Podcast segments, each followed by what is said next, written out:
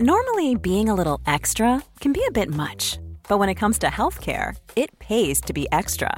And United Healthcare makes it easy with Health Protector Guard fixed indemnity insurance plans. Underwritten by Golden Rule Insurance Company, they supplement your primary plan, helping you manage out of pocket costs without the usual requirements and restrictions like deductibles and enrollment periods. So when it comes to covering your medical bills, you can feel good about being a little extra. Visit uh1.com to find the Health Protector Guard plan for you. Millions of people have lost weight with personalized plans from Noom, like Evan, who can't stand salads and still lost 50 pounds. Salads, generally, for most people, are the easy button, right? For me, that wasn't an option. I never really was a salad guy. That's just not who I am. But Noom worked for me. Get your personalized plan today at Noom.com. Real Noom user compensated to provide their story. In four weeks, the typical Noom user can expect to lose one to two pounds per week. Individual results may vary. Nice. Yeah. What you're hearing are the sounds of people everywhere putting on Bombas socks, underwear, and t-shirts made from absurdly soft materials that feel like plush clouds. Yeah, that plush. And the best part? For every item you purchase, Bombas donates another to someone facing homelessness. Bombas. Big comfort for everyone. Go to bombas.com slash ACAST and use code ACAST for 20% off your first purchase. That's bombas.com slash ACAST. Code ACAST.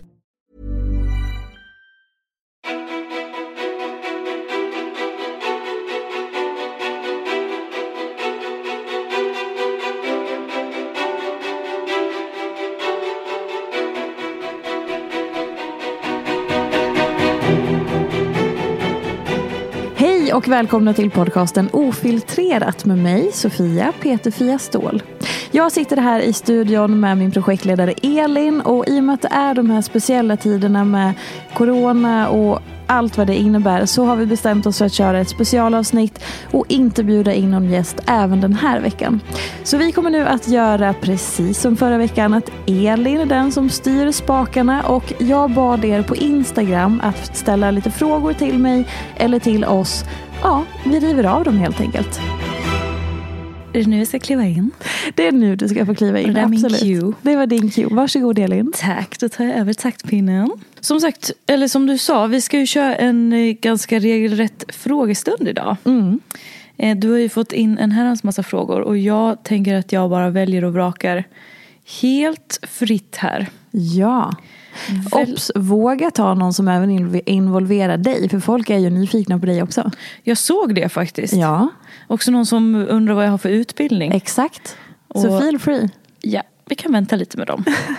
Det är faktiskt en tjej som har frågat min kära fråga. Hur mår du? Ja, ni som har lyssnat på eh, de tidigare avsnitten, om du är ny lyssnare, jag har ju alltid gäster och intervjuar mina gäster. Men ibland så slänger vi in mig och Elin så här så att det är jag som blir då i gästens position. Och då finns det sju avsnitt med detta om man bläddrar bak i listan. Och Elin börjar varenda sånt avsnitt med Hur mår du? Eh, och hon får alltid ungefär en 3-4 minuters utläggning på det. Men eh, alltså, eh, jag mår bra. Eh, idag så känner jag att jag har eh, en så här skön energi. Eh, jag känner mig lite så här, eh, eh vad ska jag säga, lite, lite så.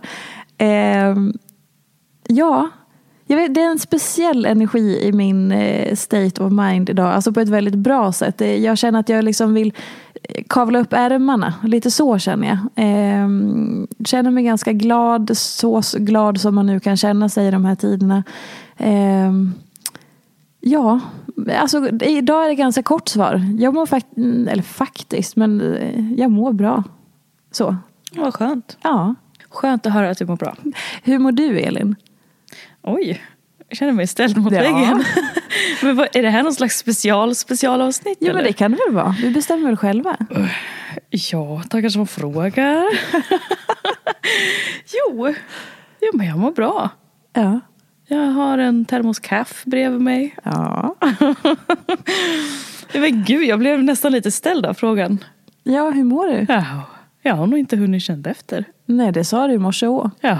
När jag frågade, hur mår du egentligen? Nej, alltså inte, inte för att jag tryckte undan något slags mående. Utan det är bara så här, ja. Mm. det rullar på. Jag känner mig lite som en sån här, som en hushållsrulle som man bara så här, man, alltså på ett bra sätt. Man fortsätter dra- rulla ut den och det är bara så här jättekonstigt beskrivet. Men, men det är liksom, det är mjukt och det är liksom, går bara att rulla på. Det finns, det finns nya liksom, Ark. pappersark att Konstant. förse sig med. Det är lite speciellt att prata om papper i dessa tider. Som att hushålls... Nej, toalettpapper har varit en Det är minst sagt het potatis. Det roliga var också att i morse så körde vi en, en live, live-frukost på Instagram. Och då så gjorde jag plättar och beskrev min plätt som blev så här. Ja men mina plättar just nu är eh, kladdiga inuti och krispiga utanpå. Och då säger du så Nej, du sa riktigt krispig Nej, på utsidan och deg, degiga och mjuka på insidan. Och då säger du, det är så jag brukar beskriva mig själv. Ja, Ja, så att, jo men det är bra. ja. Piffa till med lite extra innan jag gick hemifrån idag. Det känns lite exotiskt. ja. Nej men faktiskt, så länge som man liksom tog fram sminklådan hemma. ja. Så kändes det lite kul att få piffa till sig lite då. Gud, jag ska verkligen intervjua dig någon gång i ett kommande avsnitt känner jag nu. Jag känner mig ställd mot väggen, jag blir helt svettig. Det kan jag lova alla lyssnare, det kommer ske. Hjälp! Ja, Av, om jag blir så här nipprig av frågan hur mår ja du? verkligen. Stall mot väggen. Här har Så. vi något. Då går vi vidare med nästa fråga. Mm. Nu är det jag som håller i frågepinnen. Ja, nu vart du mer bekväm. Nu ska vi se, det här är en lite längre fråga. Ja. Min sambo hamnade i en utmattningsdepression förra året och har gjort en enligt mig helt fantastisk väg tillbaka. Han har dock så svårt att se det och jag vet att han tycker det är så jobbigt att han inte klarar av lika mycket som tidigare. Eh, minnet är det han tampas mest med just nu. Kan du ge några tips till mig som hans sambo och den som är närmast honom? Jag kan känna mig så värdelös och otillräcklig för att jag inte kan hjälpa honom. Men det är ju inte mig det handlar om. Jag vill vara det bästa stödet men ibland känner jag mig vilsen. Alla tips och pepp mottages så gärna. Ja, eh, herregud. Eh, jag bara kastades tillbaka till eh, min egen utmattning. Eh, som ju är åtta år sedan i sommar. Ehm, ja, det som jag tror är viktigast, eller så här, tror säger jag för att jag har ju bara gått igenom min egna utmattning eh, tillsammans med då min min exman. eh, och vi är ju inte på något vis ett facit för hur man ska göra. Eh, men det som jag upplevde var viktigt Eh, det är alltså framförallt att man kan prata med varandra. Att du vågar fråga honom Eh, både hur han mår på riktigt, att du vågar se igenom honom. För ibland, det upplevde i alla fall jag, att jag väldigt lätt Alltså man lurar ju sig själv hela tiden när man är i den här situationen. Dels när man är på väg in i en utmattning. Och liksom då, då upplevde jag att jag lurade mig själv hela tiden för att kunna fortsätta springa. Fast jag ville ju inget hellre än att sluta, om man säger metaforen springa. Ehm, men jag klarade ju inte av det för det hade gått för långt. Och då går det inte att, stoppa sig själv i tid. Så att jag upplevde att det blev ehm, alltså det blev så otroligt viktigt att när jag inte kunde se igenom mig själv och mitt beteende så att jag lurade både mig själv och då min exman så var det så fantastiskt fint och viktigt när han lyckades se igenom mig. Och det är ju, jag säger inte att det är ditt, att det är liksom ditt ansvar att göra det utan om det går och när du känner att så här, åh, här får jag syna hans beteende eller här får jag eh, ja men vänta nu, stämmer det där verkligen? Att du då vågar gå på och ställa den där extra frågan eller ja men du, vänta nu, stämmer det där? Eller hur mår du egentligen? Eller känns det verkligen så? Var Alltså- du mottaglig för det då? Ja, ibland. Eh, jag kommer ihåg en gång när jag hade satt upp för mig själv, alltså precis i början i sjukskrivningen, efter kanske två eller tre månader eh, så hade jag bestämt att jag skulle gå tillbaka och jobba igen. Eh, och jag hade sagt till alla mina PT-kunder att jag kommer tillbaka det här datumet, jag ska börja jobba igen då.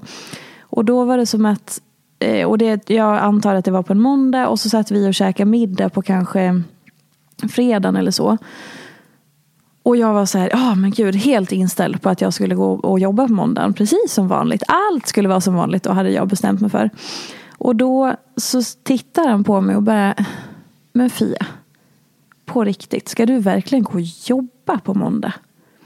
Och då var det som att så här, det närmaste jag har kommit att så här, marken öppnar sig under mina fötter och bara så här, allting bara rasar. Mm. Och egentligen så kan jag känna lite att det var där och då jag blev sjuk på riktigt. Eller att jag fattade att jag var sjuk på riktigt. Och då hade det, ja om, jag blev sjukskriven vid, vid midsommar och det här var kanske augusti eller september. Jag minns inte exakt. Men mm. det var ju ändå flera månader in i min sjukskrivning. Men jag hade bestämt och sagt till min läkare att nej men då ska jag komma tillbaka. Då ska jag börja liksom eh, börja jobba igen och allt det här.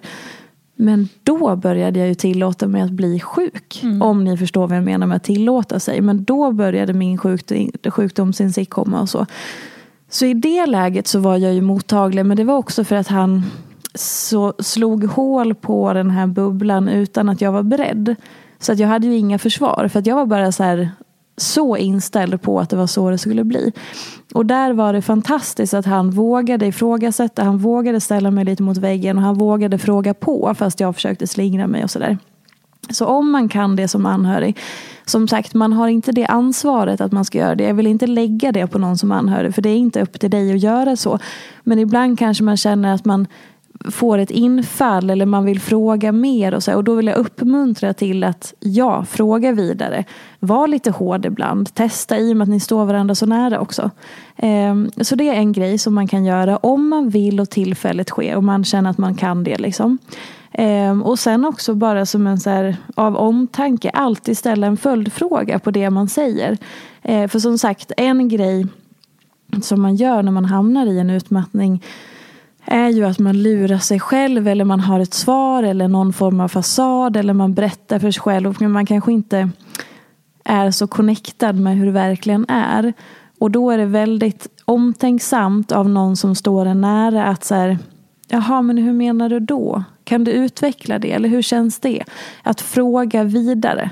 Eh, och se vad man får för svar så att man inte nöjer sig med att säga jo men det är bra, nu känns det bättre. Okej, men på vilket sätt känns det bättre?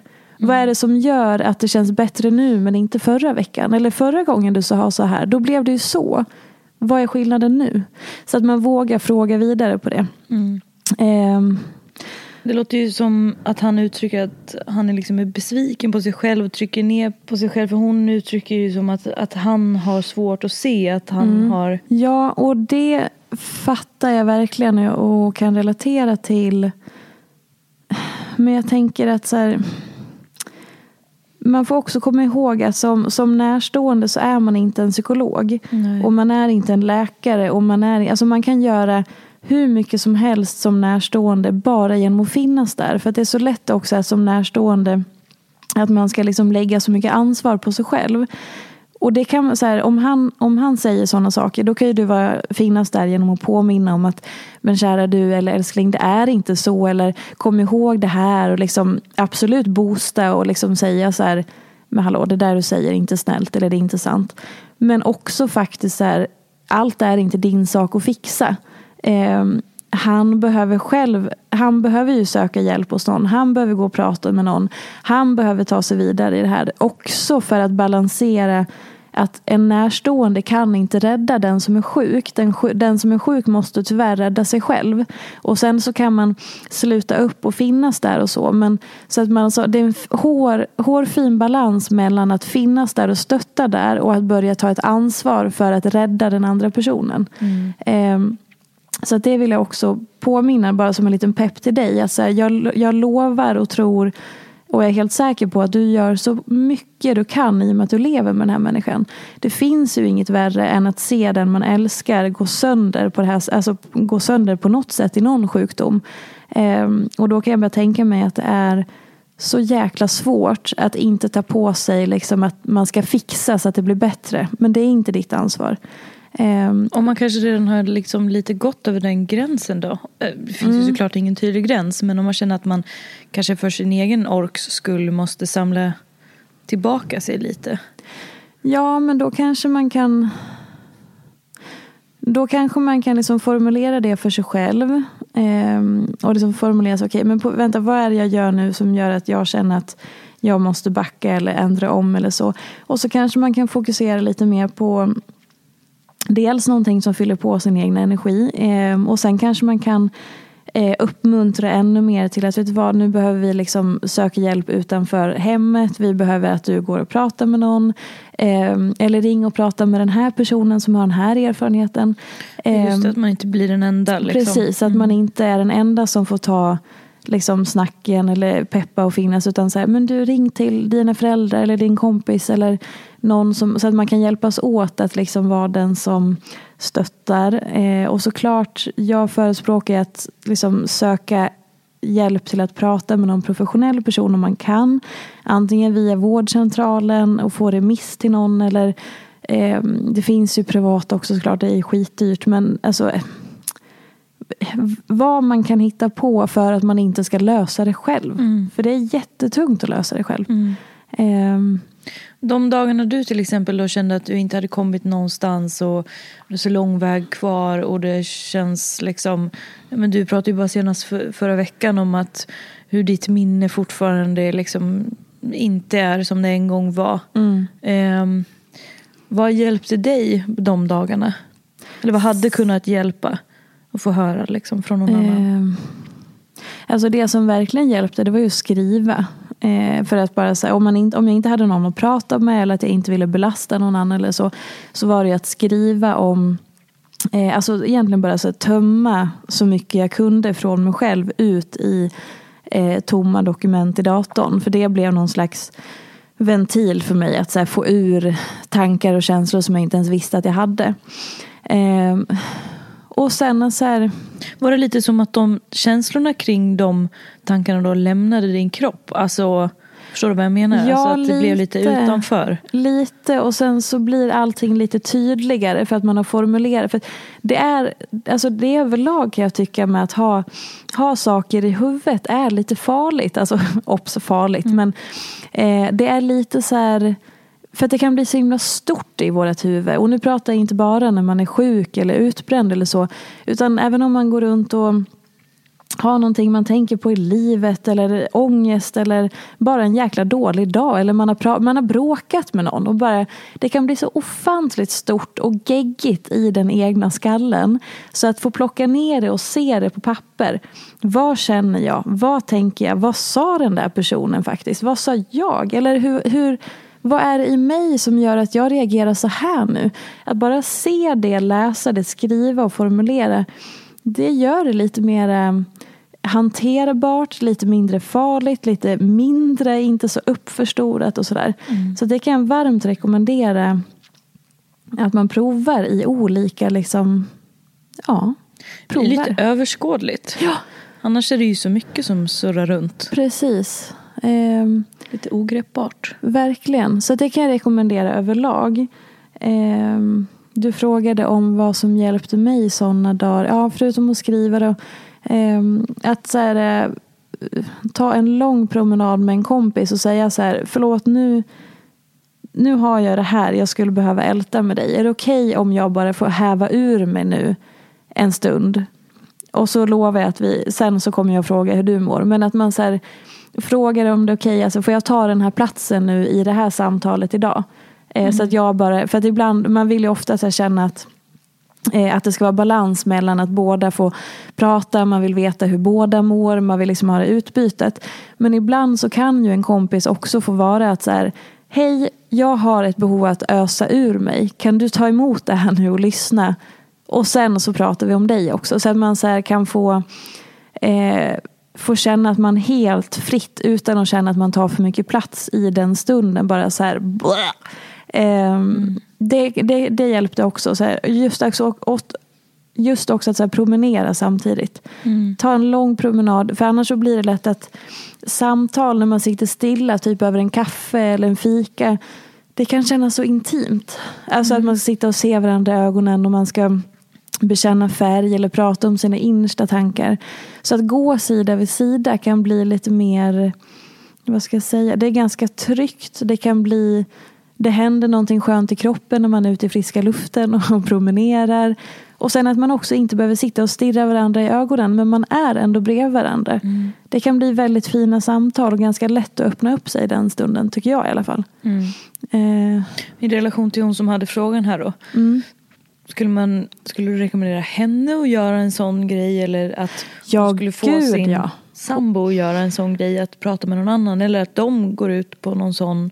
Alla de tre. Ja. Eh, och framförallt viktigt för henne att hitta en ventil någonstans. I och med att hon stöttar honom överallt, eller liksom hon stöttar honom så mycket. Då behöver ju hon hitta en ventil där hon kan dels få liksom tömma ur sig det hon tycker är jobbigt med att leva med någon som är utbränd. För det är ju en jättejobbig situation för båda fast på helt olika sätt. Det är inget konstigt. Men också att hon hittar sätt att fylla på sin energi.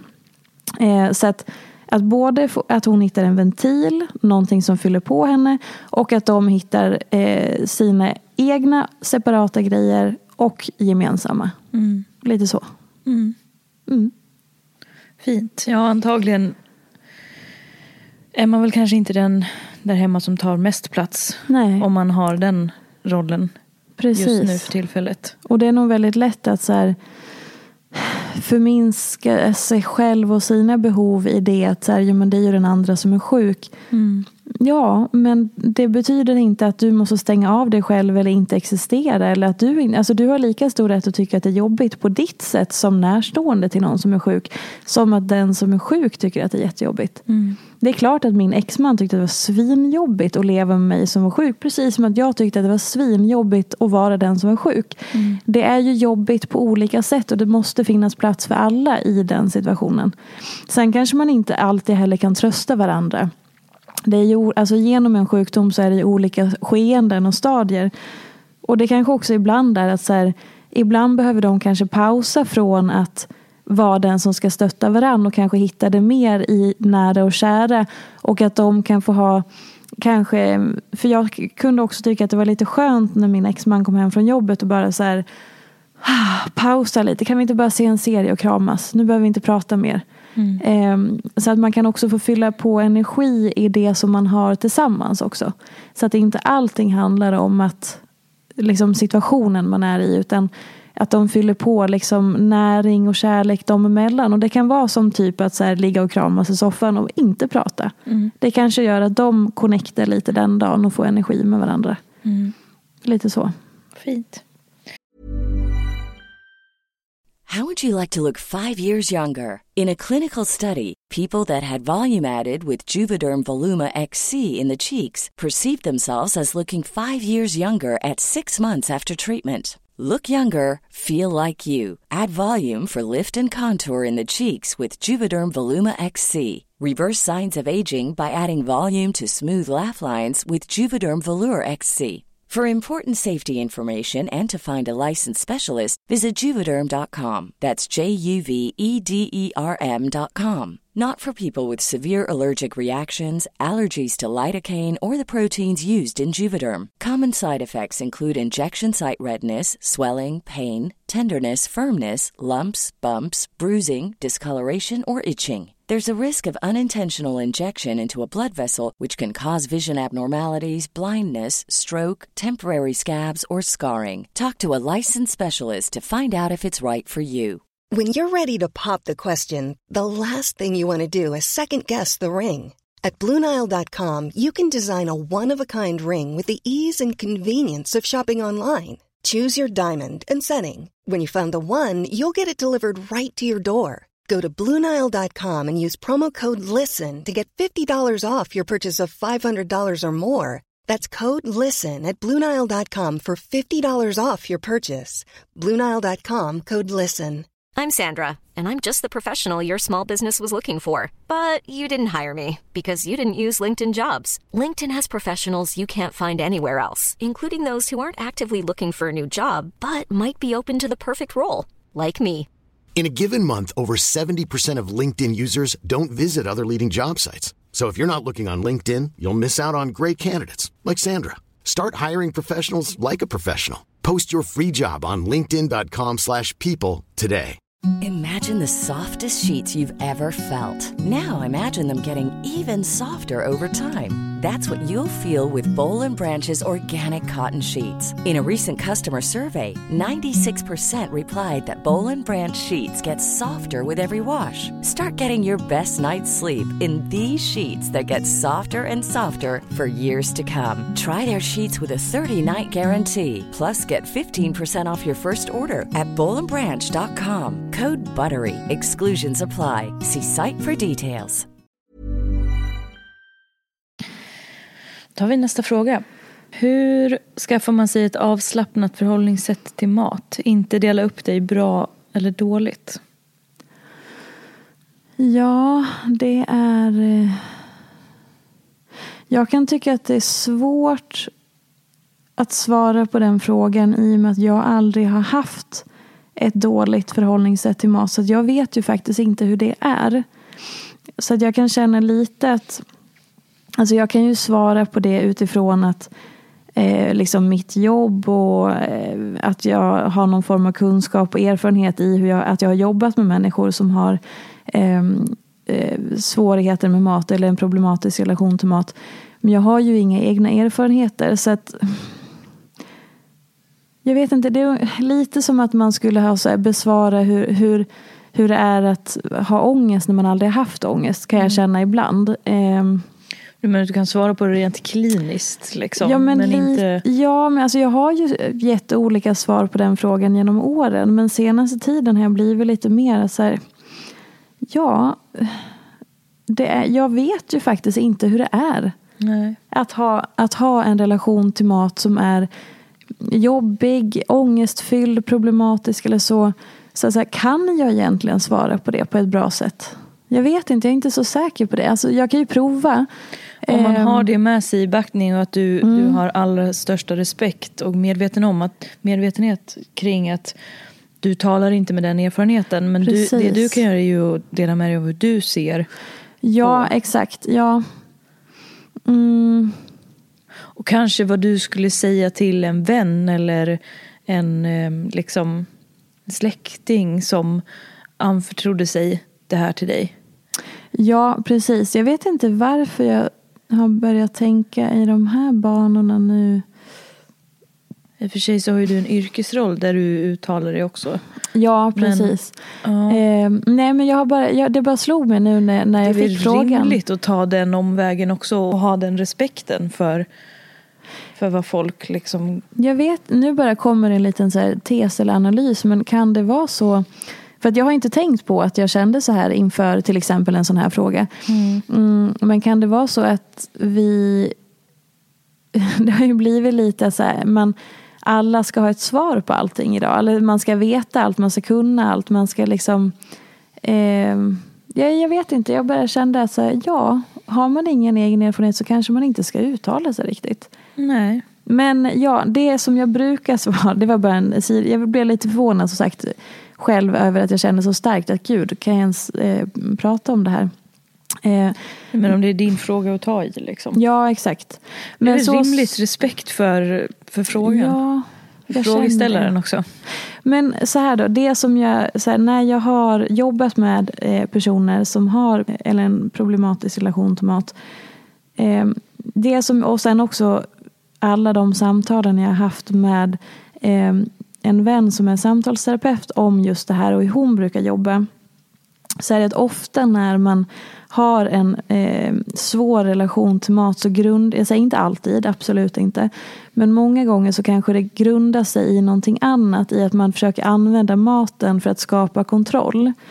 Eh, så att om man kan börja med att titta där. Så här, vad tror du är grunden till att du har de här tendenserna eller att det har blivit så här? Kan det finnas så att du använder maten för någonting annat eller som uttryck för, för, att kontrollera någonting annat eller att skapa någon trygghet eller så? Kanske kan man börja där. Ehm, och sen så vill jag säga att upplever man att man har ehm, en svår relation till mat så ska man också alltid fundera på är liksom, kanske jag behöver söka hjälp för det här. För att det kan eskalera väldigt, väldigt fort. Börjar man mixtra med maten då kan det bli så fruktansvärt illa. Alltså ätstörningar ligger runt hörnet och lurar och de är fruktansvärt svåra och tuffa och kanske omöjliga att bli 100% frisk ifrån. Så det är med största respekt som jag säger, börjar man mixtra med maten, prata med någon du känner, berätta vad du håller på med och kanske så här, ja det här ska jag fan söka hjälp med fort som tusan. In. Sen vet jag att det är jättesvårt att få hjälp innan, man ens innan någon tycker att man är sjuk. Eller så, vilket ja, är, alltså, att man inte jobbar mer förebyggande inom eh, friskvård och så är ju det är en annan diskussion. Mm. Eh, men att så här, ta det på allvar. Börjar man mixtra med maten så ska man veta att ja, det är fan ätstörningar. De kommer snabbare än vad man tror. Och det är ett helvete att ta sig ur. Mm. Det kan vem som helst som har haft en ätstörning vittna om. Um. Men som hon här beskriver att hon, hon delar upp, hon liksom värderar ja. mat um, och delar upp det i bra och, och dåligt kategorier.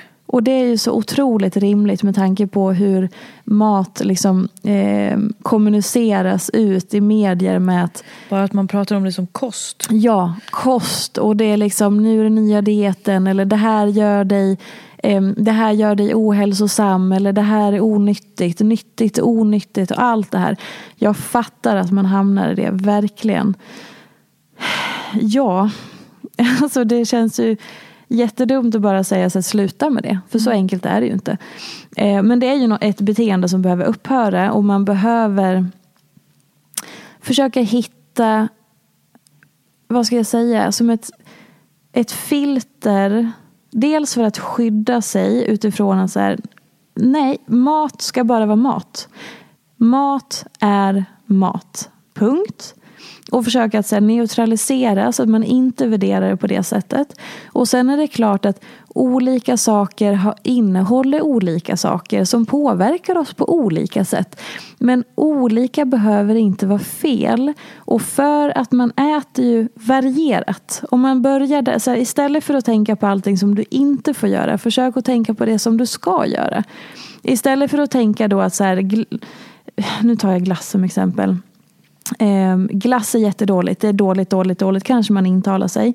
Jo men du ska ju inte äta glass 24-7 i alla måltider. Så försök att ändra fokus till okej, okay, vad ska jag äta idag? Istället för att tänka jag ska inte äta det här, jag ska inte äta det här. Utan nu ska jag äta frukost, nu ska jag äta mellanmål, nu ska jag äta det här.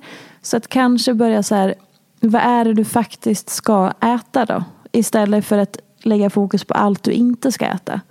Ehm, det kanske kan göra någon liten skiftning. Och att försöka, så fort du märker att du börjar värdera dina eh, börjar värdera utifrån bra och dåligt. Ifrågasätt dig själv. Okej, okay, varför gör jag det här nu då? Vad gör det med mig? Hur får det mig att känna? Och försöka liksom resonera med dig själv. Och försöka att göra det neutralt. Mat är mat, mat är mat. Mm. Och liksom komma tillbaka till någon slags grund och sen ha ett filter för all den här dåliga påverkan som finns. För det finns så otroligt mycket dålig påverkan. Och mat är ju så svårt för att vi kommer inte undan mat. Vi måste äta flera gånger om dagen för att överleva. Vi behöver äta resten av våra liv för att överleva. Det finns mat överallt. Så det är därför jag menar så här. Börjar mat bli ett problem? Det är så svårt. För att vi är omgivna av mat. I allt.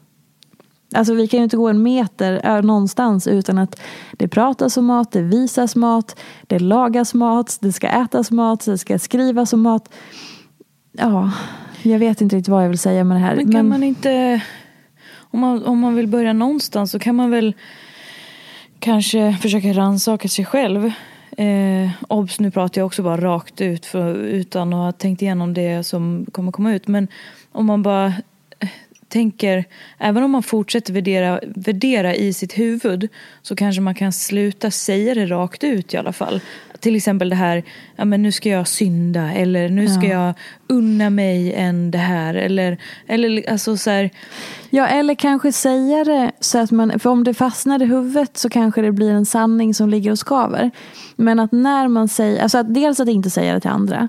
Men, men att menar, säga det, det, Bara så pratar jag klart mm. så förstår vad jag menar. Alltså, säger jag det och så är det någon som hör det så är ju jag en del av att upprätthålla ja, absolut. värderingarna och fortsätta absolut. den. Men om då att man säger det men att man direkt observerar eller kanske om man kan hindra men precis som du säger, alltså att skapa en medvetenhet att så här, oj, nu använder jag uttrycket synda eller unna mig. Mm. Att, kan man ha det i huvudet och resonera med sig själv. Men också om man hör så här, åh nu ska jag synda. Och bara, men stopp, varför pratar jag på det sättet? Varför säger jag så? Så antingen i huvudet eller säger jag såklart. För annars så förmedlar man ju det vidare, absolut. Ehm, men bara så att man lite så här uppmärksammar sig själv på nu sa jag det där igen. Varför gjorde jag det? Och så tänker man liksom hela tanken runt att fast ska jag verkligen säga sunda, synda? Nu, nu känns det som att jag gör någonting dåligt som jag måste kompensera. Det här är inte så bra. Så att man kanske liksom håller sig själv i handen lite och i så här försöker vara en, en vänlig påminnare om att nej men så här vill inte jag uttrycka mig. Nu sa jag unna mig. Men vad menar jag med det då? Så att man liksom inte låter allting slinka ur helt obemärkt. Men är det en snårig skog att prata om tycker jag. Och det blir snårigare och snårigare. Av någon anledning. Ehm, ja, tror du att vi fick ihop något svar? Ja, men varför tycker du att det blir snårigare och snårigare då? Handlar inte det om att du blir mer och mer medveten och får lite nyanser? Och, eller Jo, tycker du att det Jo, det är nog. Men sen så tycker jag, jag tror att det blir snårigare och snårigare för att det är eh, ja, men dels i att så här, jag inte har någon egen erfarenhet så att jag har ingenting där att hämta. Eh, dels att, att samhället har förändrats. Alltså att jag vet inte längre så här det är ju så... För det är skillnad nu mot tio år sedan. Vi har ett mer ätstört samhälle och ett mer så här, osunt samhälle nu än för tio år sedan. Och då är det svårare att parera när man inte har någon egen erfarenhet. För att det som är normalt nu var definitivt inte normalt för tio år sedan. Ehm, och det som förmedlas och det, för liksom, det som på något vis anses vara okej inom hur man pratar om mat. Och sen kan jag också, det jag menar med en snårig skog är nog också att så här, det känns som att det lätt blir så här, jo men det är lätt för dig att säga, men du vet inte hur det är idag. Alltså att man är lite så här, man kan ge massa goda råd i all välmening. Men jag, man har ingen aning. Och så här, för tio år sedan hade jag inte heller någon aning. Men nu har jag definitivt ingen aning. För nu är det ett ärligt talat fucked up samhälle när det kommer till mat. Och vad som förmedlas kring mat. Och, mm, jag vet inte om vi ska gå in på det här. Men eh, det är liksom sådana små, små grejer som... Jag vet inte. Nej, jag tycker det är svårt. Jag var på väg att gå in på en grej, men vi gör inte det. Men ja, nej, jag tycker att det är svårt. Det, jag bara menar alltså, det är så mycket med mat som jag, jag förstår att folk har svårt att hitta vad som är sunt med mat. Hur fan ska man hitta vad, hur, hur man ska göra och parera den här snåriga skogen? Det är helt omöjligt. Nej, det är inte omöjligt, men det är skitsvårt. All respekt för det. Men det är väl lite som det här som du brukar prata om, att det blir så jäkla utifrån styrt. Ja. Du, jag vet ju att du har fått flera läsarmail. Eh, framförallt unga tjejer som, som, eh, som undrar varför de, som blir så svullna om magen. Ja. Eh, på ja, men, eftermiddagar och kvällar och så och undrar om det är någonting som de inte tål eller så. ja, varför magen är inte platt när man går och lägger sig. Ja, precis. Exakt. Ja men magen är ju, alltså, det, ja precis, man tror att så här, dels att man ska ha en platt mage är ju liksom kutym, att man ska ha det inom situationstecken. Och sen att då att magen skulle se likadan ut under dagen, det är fysiskt omöjligt. För vad händer när mat och vätska och saker kommer ner i magsäcken? Ja men det behöver ju bearbetas, kroppen behöver ta hand om det. Blodet åker ner där, vi är liksom allting, när vi har ätit, allting måste ju jobba för att liksom omvandla det till så att det ska gå igenom kroppen och alla de här systemen och till slut komma ut som bajs. Det är ju en process och det är klart att då kan vi inte ha en platt mage som ser ut som en tom mage under hela dagen. Och när man går och lägger sig och man äter kanske fem måltider den dagen och druckit en, två och en halv liter vatten. Men det är väl klart att vi inte har en tom mage längre. Så då är det helt orimligt att magen skulle se exakt likadan ut som när vi vaknar som när vi går och lägger oss. Det går inte och det är normalt. Det betyder inte att man har en intolerans eller en sjukdom eller att man är allergisk eller inte tål någonting. Det är bara så kroppen fungerar. Så. ja. Det är så lätt att känna att man gör någonting fel. Ja, För att det är det som kommuniceras. fan vad trött jag är på hela... Eller trött är väl fel ord, men det är så, här, det är så synd. Det är så jävla synd att, att det har blivit så här. För att, som du säger, det är så lätt att göra fel. Och det är så lätt att hela tiden hamna i att man duger inte. Och bara det att man tror, för att det är det enda man ser, platta magar, så tänker man ju såklart när man står där 21.30 och man ser ut att vara gravid i tre, liksom 13, 17, 24 veckan. Då tror man ju att man är fel. Men du har en helt normal kropp för att du har ätit massa mat och druckit massa vatten. Som du ska. Det är kroppens sätt att leva och vara. Men då tror man att så här, nej, men jag borde ju se ut som i gryningen i morse. Eller, helst ut som någon annan såklart. Känner du dig orolig för att Edith växer upp i det här samhället? Ja, fy fasen, jag har inte ens öppnat den porten än. Nej. Min dotter är ju två och ett halvt. Eh, ja, alltså jag märker ju redan på så här små... Alltså som den lilla grejen att så här, jag försöker att inte, inte göra någon grej av några färger till exempel. Eh, alltså jag har inte, eh, det här med rosa till exempel, jag har inte gett rosa någon speciell uppmärksamhet. Det jag har gjort, eller jag vill göra och gör, är att jag presenterar massa olika färger. Och försöker att liksom ge henne en bredare palett så att säga. Jag vill inte förbjuda rosa eller liksom att hon bara ska ha rosa. Men däremot så erbjuder jag massa olika färger så att inte det ska bli att man bara ska ha rosa och sådär. Ändå så har ju hon fattat att rosa är ju någonting speciellt.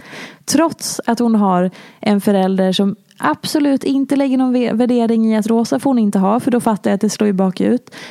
Men det är ju ändå någonting med att Rosa, när hon är två och ett halvt och tjej, hon har redan snappat upp, inte från mig hoppas jag, men alltså jag har ändå gjort någonting för att försöka motverka det här.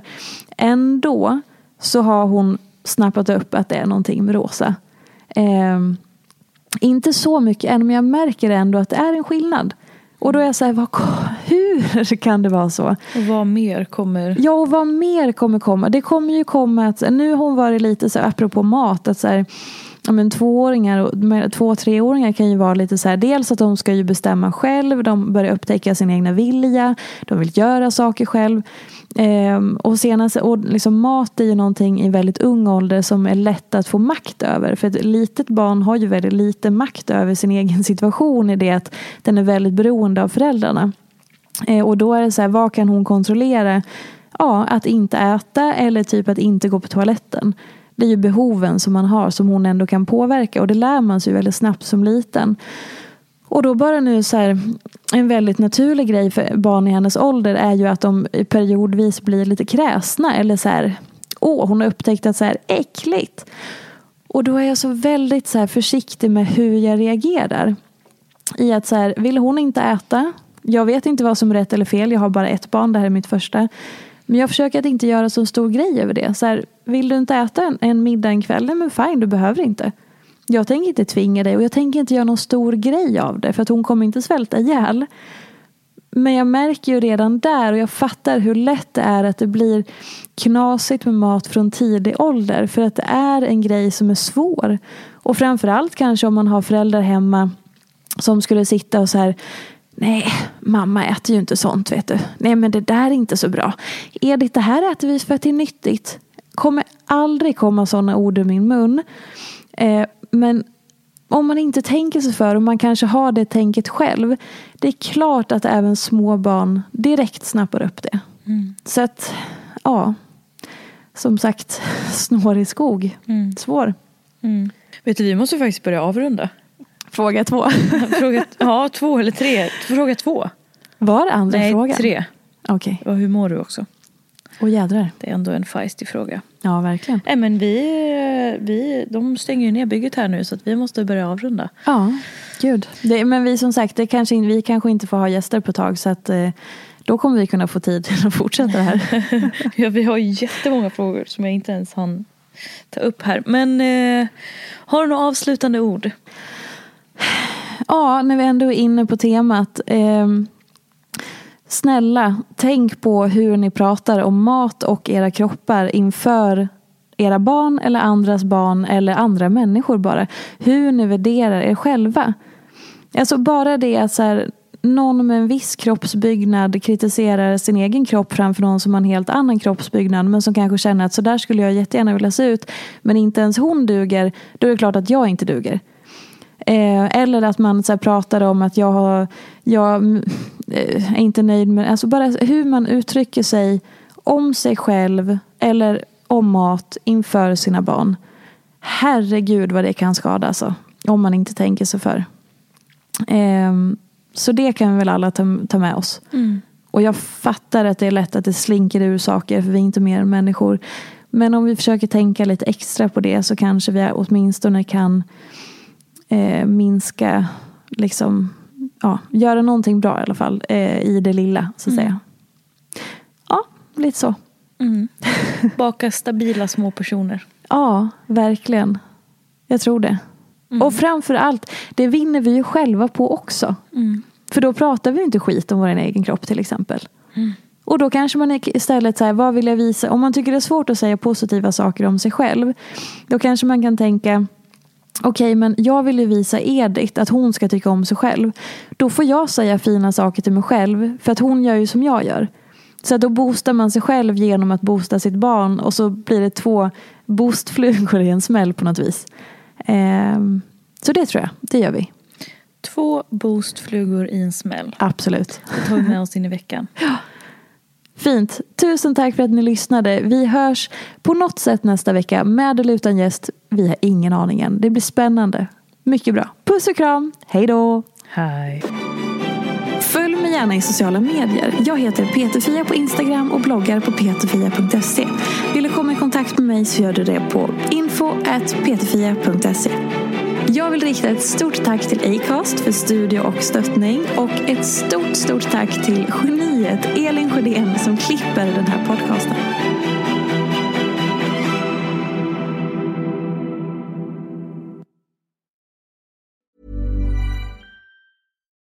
Deserves the best, and there's no better place to shop for Mother's Day than Whole Foods Market. They're your destination for unbeatable savings, from premium gifts to show-stopping flowers and irresistible desserts. Start by saving 33% with Prime on all body care and candles. Then get a 15-stem bunch of tulips for just $9.99 each with Prime. Round out Mom's menu with festive rosé, irresistible berry chantilly cake, and more special treats. Come celebrate Mother's Day at Whole Foods Market.